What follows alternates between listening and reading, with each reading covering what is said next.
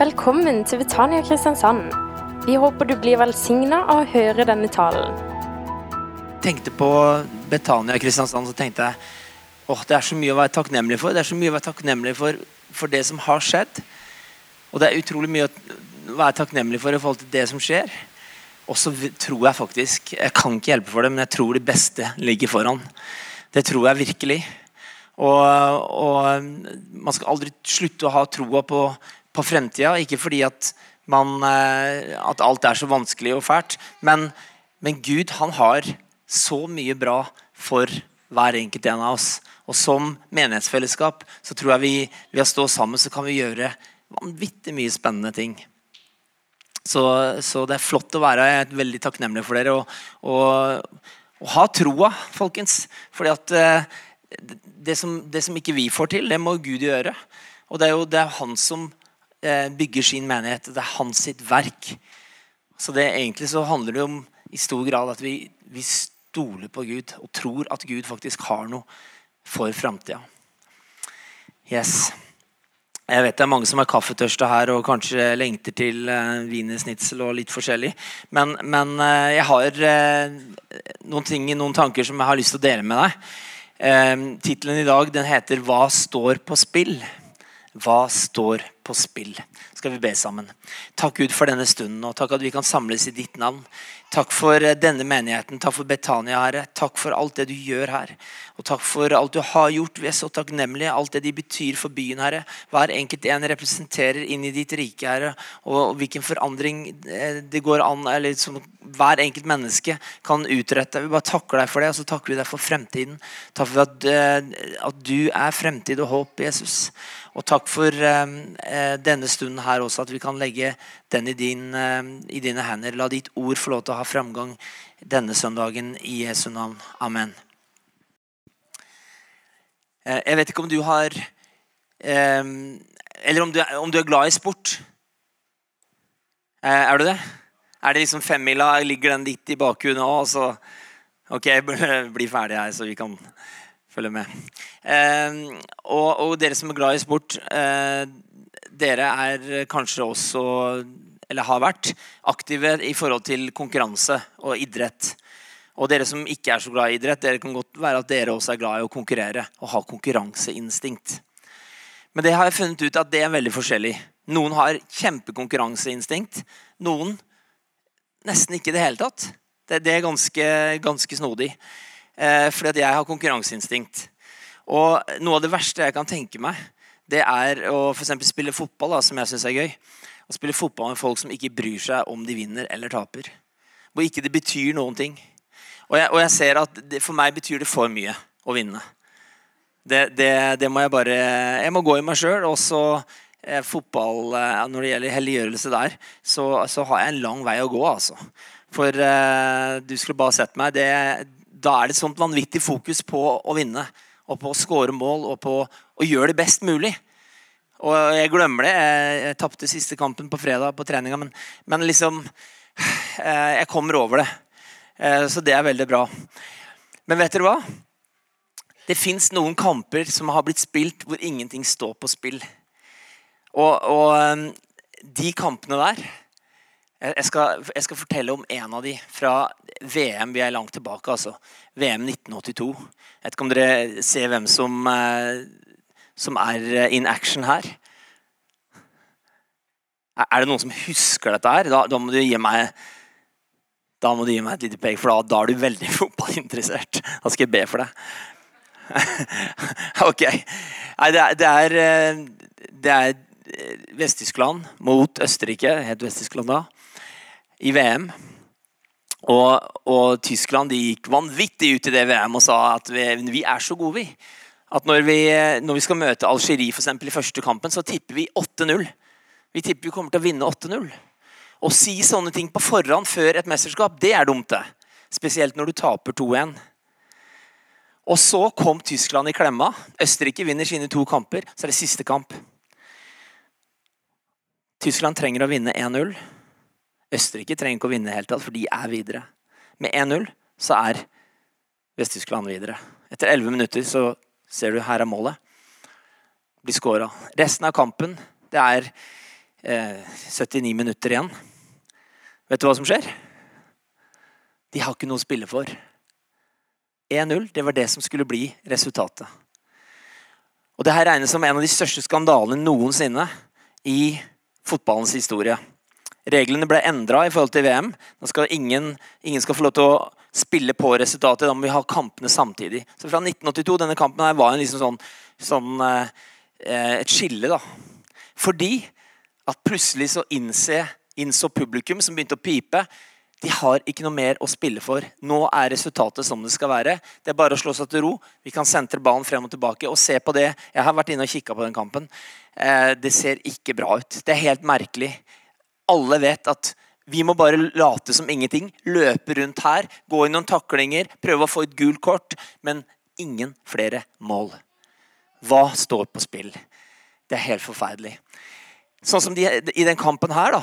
Nå er vi i London i 2012. OL. Og disse her er gode til å spille badminton. Men de ble kalt fram til dommeren, for dommeren lurer på hva er det som skjer i denne kampen. Jo, det som skjer, er at de spiller double i badminton, og begge lagene vil tape. Hvis de taper, så møter de en enklere motstander i neste runde. For de er videre. Og da spekulerer begge lag. Ingen ønsker å vinne. Å se en badmintonkamp og ingen ønsker å vinne, det er veldig spesielt. Du prøver å gjøre alt du kan for å tape. Og hvis begge lag gjør det samme, det må du prøve en gang. De her ble diskvalifisert. Fordi at det, det å eh, stille opp på noe hvor publikum forventer at nå skal vi gjøre vårt beste, det funker så elendig. Vi bare ser det i, i VM nå i Seefeld, eh, hvor, hvor, Klæbo og var det ikke Iversen som, som eh, de, de, fant ut at jeg vet, de første renna De hadde gått sprinten, og så Klæbo hadde fått gull og greier. Og så kommer neste renn. Klæbo er med. Og så innser han at etter klassisk jeg tror det var 30 km, 15 km klassisk og 15 skøyting eh, Etter klassisk ideen så, innser han at ja, men det her vinner jeg ikke uansett. Vet du hva jeg gjør? Jeg bare kuler den, og så skal jeg fullføre. Så går jeg gjennom, så gjør det ikke noe når jeg kommer noen minutter feil bak. Jeg, jeg, jeg, han bryr seg ikke om tiendeplasser, han. vet du.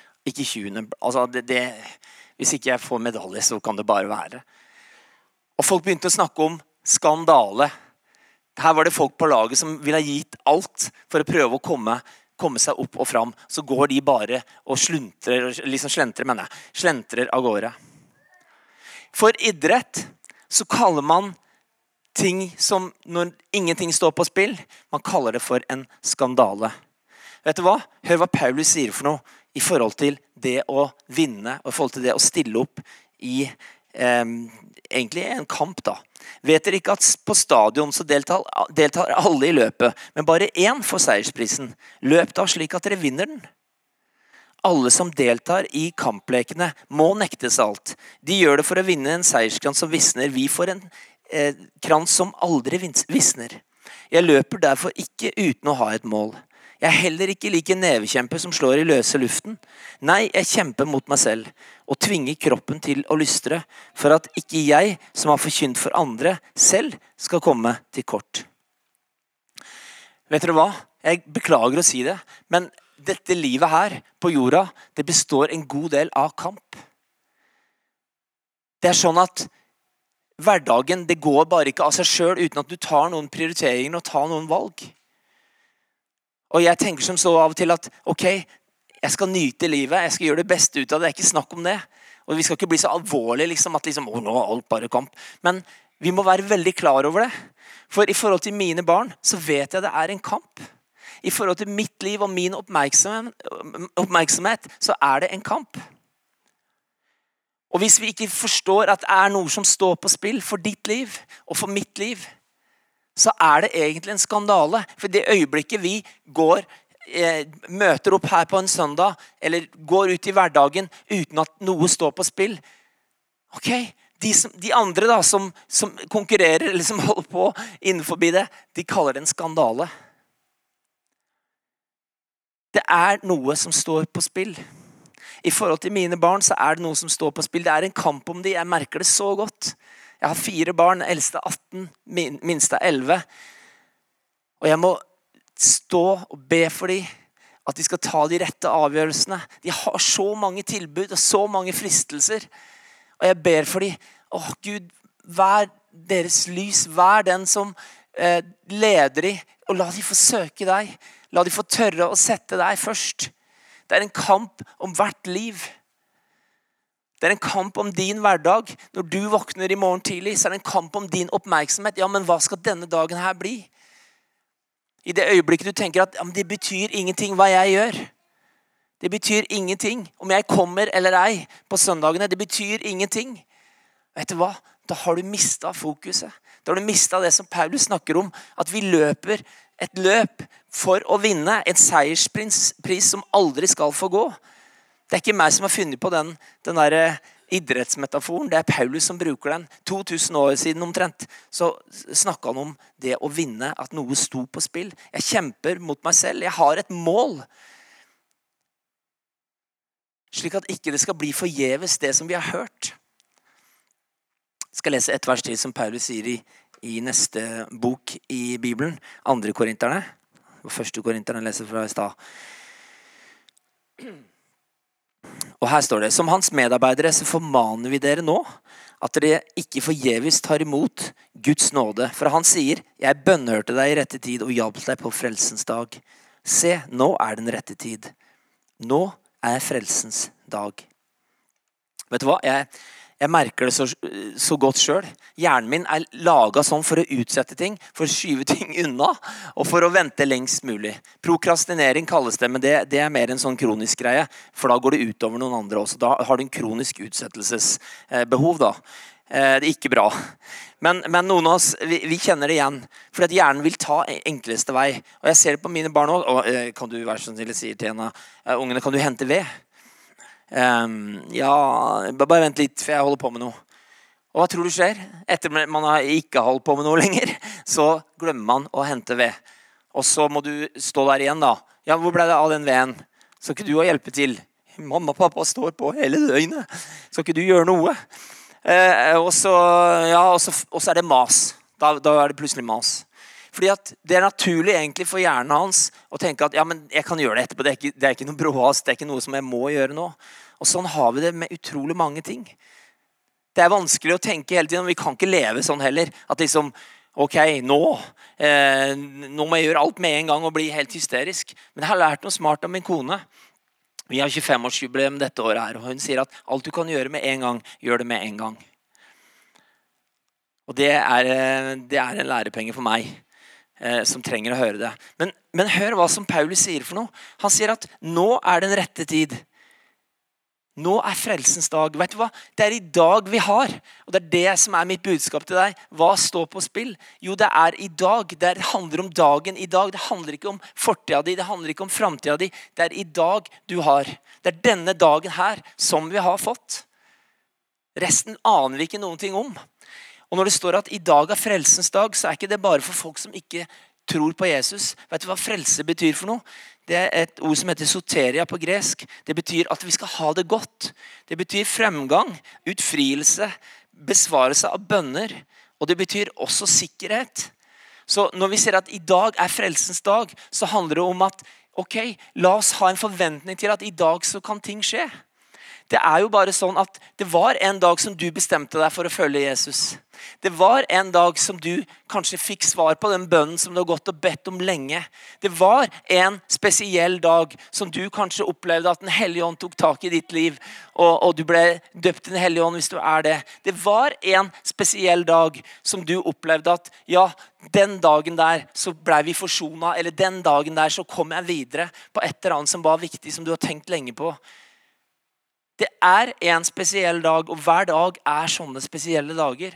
Nå er den rette tid. I dag er dagen. Det er den forventninga som Bibelen snakker om i forhold til å leve hver dag. Det er, det er en klisjé, men klisjeer er som regel, det er noe med klisjeer. Vi skal leve hver dag som det var, var den siste. Og jeg, jeg tenkte på i, i forbindelse med, med, eh, denne dagen her hvis vi skal leve hver dag som den siste, og leve hver dag som om Jesus kunne komme hjem når som helst, hvordan ville det sett ut? Hvordan ville det sett ut? Jeg skal avslutte med et, eh, et, siste vers. Jeg skal prøve å være litt kortere i dag. Jeg har veldig vanskelig for det. Så jeg snakker litt fortere enn vanlig. Men i, Mar i Markus 13 så står det Vær på vakt, hold dere våkne. For dere vet ikke når tiden er inne. Det er som en mann som skulle utenlands. Da han forlot huset, overlot han ansvaret til tjenerne og ga oppgaver til hver og en. Og til dørvokteren ga han påbud om å våke. Så våk, da, for dere vet ikke når husherren kommer, enten det blir om kvelden, midt på natten, ved hanegal eller om morgenen. Når han plutselig er der, så må han ikke finne dere sovende. Det jeg sier til dere, sier jeg til alle. Våk! Jeg er jo vokst opp i en, i en uh, karismatisk menighet. eller Min, min far er pastor, så vi har flytta litt rundt forbi. Og vi, vi um, har vært mye i pinsetradisjonen. Um, og, og, bodd på Østlandet og, og, sånne ting. Og så kom vi ned her, og så har vi stadig vekk fått høre om endetiden. At Jesus kommer snart. Og for å være helt ærlig, de siste 10-15 åra mista jeg fullstendig interessen. Jesus kommer snart. Ja, men har du ikke lest siste boka i Bibelen? Åpenbaringen, kapittel 22. Der står det Ja, se, jeg kommer snart. 2000 år siden. Hvem er det som blir lurt her? Og Jeg har hørt eh, folk som har profetert om, om, eh, om, om, folk at ja, du, ikke, eh, du, blir ikke gammel fordi at Jesus kommer. Og, og hørt, jeg har i hvert fall hørt mye sånne ting. Og da mister jeg fullstendig interessen. fordi at uh, når ikke det skjer, når ikke det har skjedd, liksom. Hva, hvem blir lurt her nå? Og, og, jeg vet det er mange som er kjempegode til å snakke om endetiden og trengselstider og skåler og, og uh, alt mulig. Og hvilken rekkefølge kommer ting til å skje, og når skal vi bli bort, uh, rykka opp og sånn. Men for å si det helt ærlig, det er ikke det som jeg greier å være opptatt av. Jeg blir ikke engasjert av det. Vet du hva jeg blir engasjert av? Det ordet her. Fordi at Når Jesus sier at 'jeg kommer snart', så er det ikke det det betyr. Det betyr ikke at liksom, ja, 'kommer snart', hva betyr snart? Snart er det om en uke? Eller er det kanskje allerede i morgen? Eller handler det om snart? Ja, det kan være tre år. Det er jo nokså snart. Vet du hva? Jesus lurer ingen. Guds ord er ikke feil. Det som snart betyr, det betyr at vi må leve sånn at det kan skje når som helst. Det er sånn Jesus vil vi skal leve. Og Hvis du leser dette, her, så, står, så handler det ikke om våkenetter. Det handler ikke om liksom at ja, vi må kanskje ikke sove så mye, for vi vet aldri. Vi må, han må ikke finne oss sovende, står det jo her. Når han plutselig er der, må han ikke finne dere sovende. Ja, men da må vi kanskje sove minst mulig, da. Alle skjønner at det er ikke det det betyr. Men våk, vet du hva det betyr? Det betyr å være på alerten. Sier dere det i Kristiansand? Å være på alerten. Jeg vet ikke om dere sier det. Men å være på vakt, å være, eh, å være klar, det er det som det betyr. Det betyr å leve som at du er klar. Og jeg må bare innrømme én ting. Jeg, jeg, prøvde meg på et scenario. Når jeg leste dette verset her, så prøvde jeg på meg Tenk hvis jeg vet at Jesus kommer tilbake i dag klokka kvart over åtte på kvelden. Hvordan ville jeg levd? Fram til kvart over åtte. Jeg vet, jeg er 100 sikker. Han kommer kvart over åtte i kveld.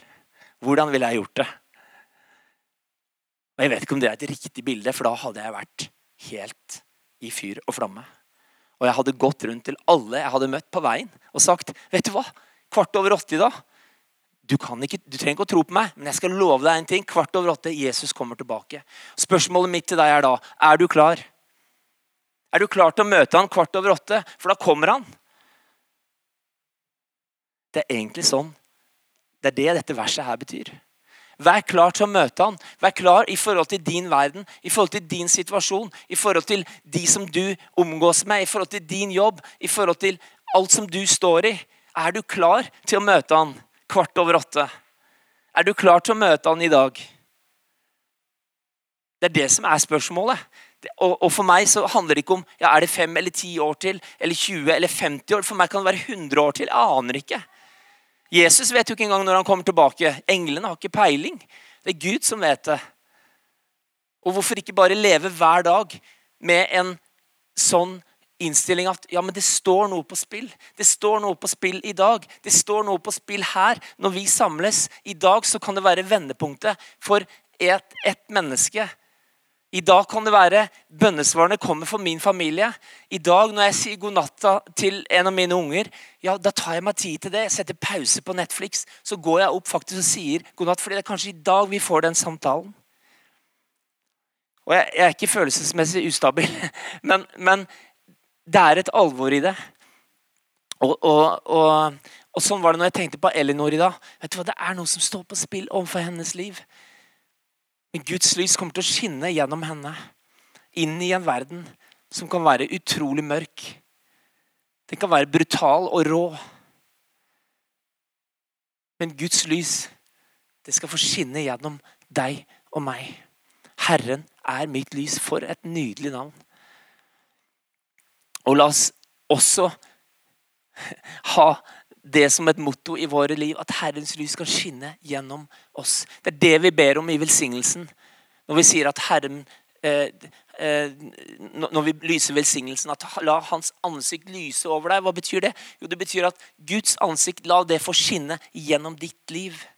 La Guds ansikt, la, la mennesker i vår verden blir møtt av Gud, og ikke av en som er, kanskje er kritisk eller skeptisk eller full av fordommer når vi møter mennesker.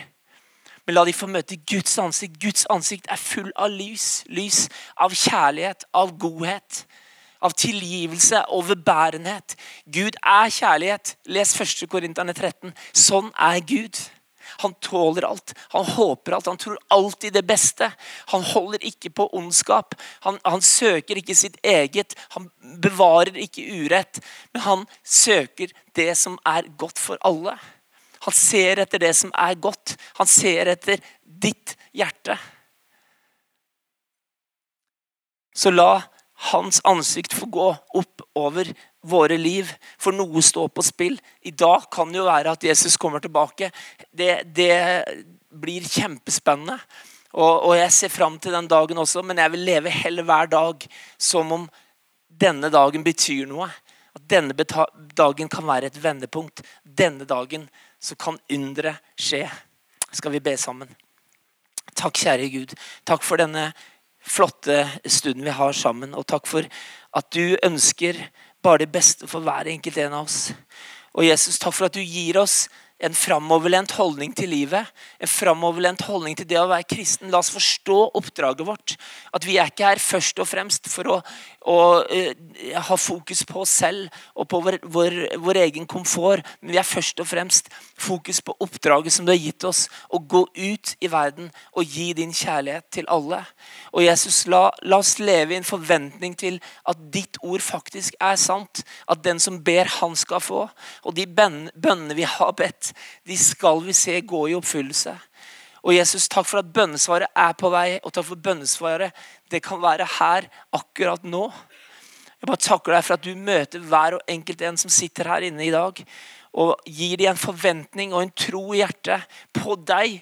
Ikke på sin egen kraft, eh, men på din storhet og på din mektige hånd som kan virke gjennom hver enkelt en av oss. Jesus, fyll oss på ny og gjør ditt verk i hver enkelt en.